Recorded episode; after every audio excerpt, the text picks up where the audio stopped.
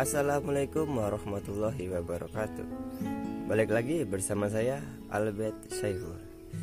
Ya, pada kali ini saya akan ngomongin tentang hujan dan kenangan.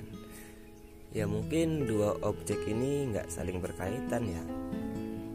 Tapi coba deh kita pikir lagi Hujan dan kenangan ini. Ada kaitannya kok. Karena kalau kita lihat hujan lagi dari di rumah gitu kan. Kita lihat hujan di jendela itu pasti kita mikirin kenangan-kenangan masa lalu. Ya contoh kecilnya saja kita pernah main hujan-hujanan sama teman-teman kita. Terus main bola pas hujan untuk bagian laki-laki. Dan itu normal kok untuk hujan dan kenangan ada kata-kata yang populer yaitu hujan itu satu persennya air dan 99 persennya kenangan. Ada lagi nih menangis di bawah hujan itu menyenangkan. Pasti deh teman-teman pernah dengar kata-kata ini. Dan apakah kata-kata itu benar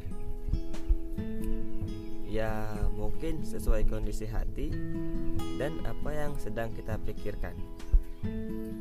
Apalagi kalau kita galau karena mikirin mantan atau yang baru putus pasti deh keinget kenangan-kenangan yang pernah dilewati bersama.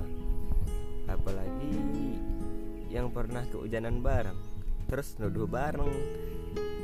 Pas langsung keinget bisa senyum-senyum sendiri sambil lihat hujan. Nggak apa-apa kok ingat masa lalu itu.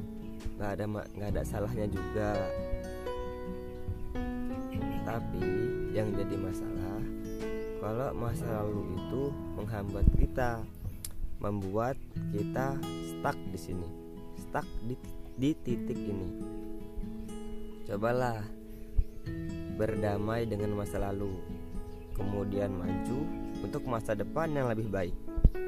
Semangat! Jadikan masa lalu itu pelajaran dan pengalaman yang berharga.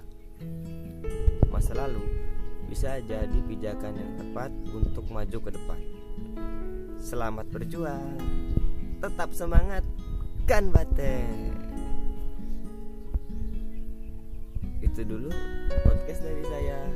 さやうありがとうございます。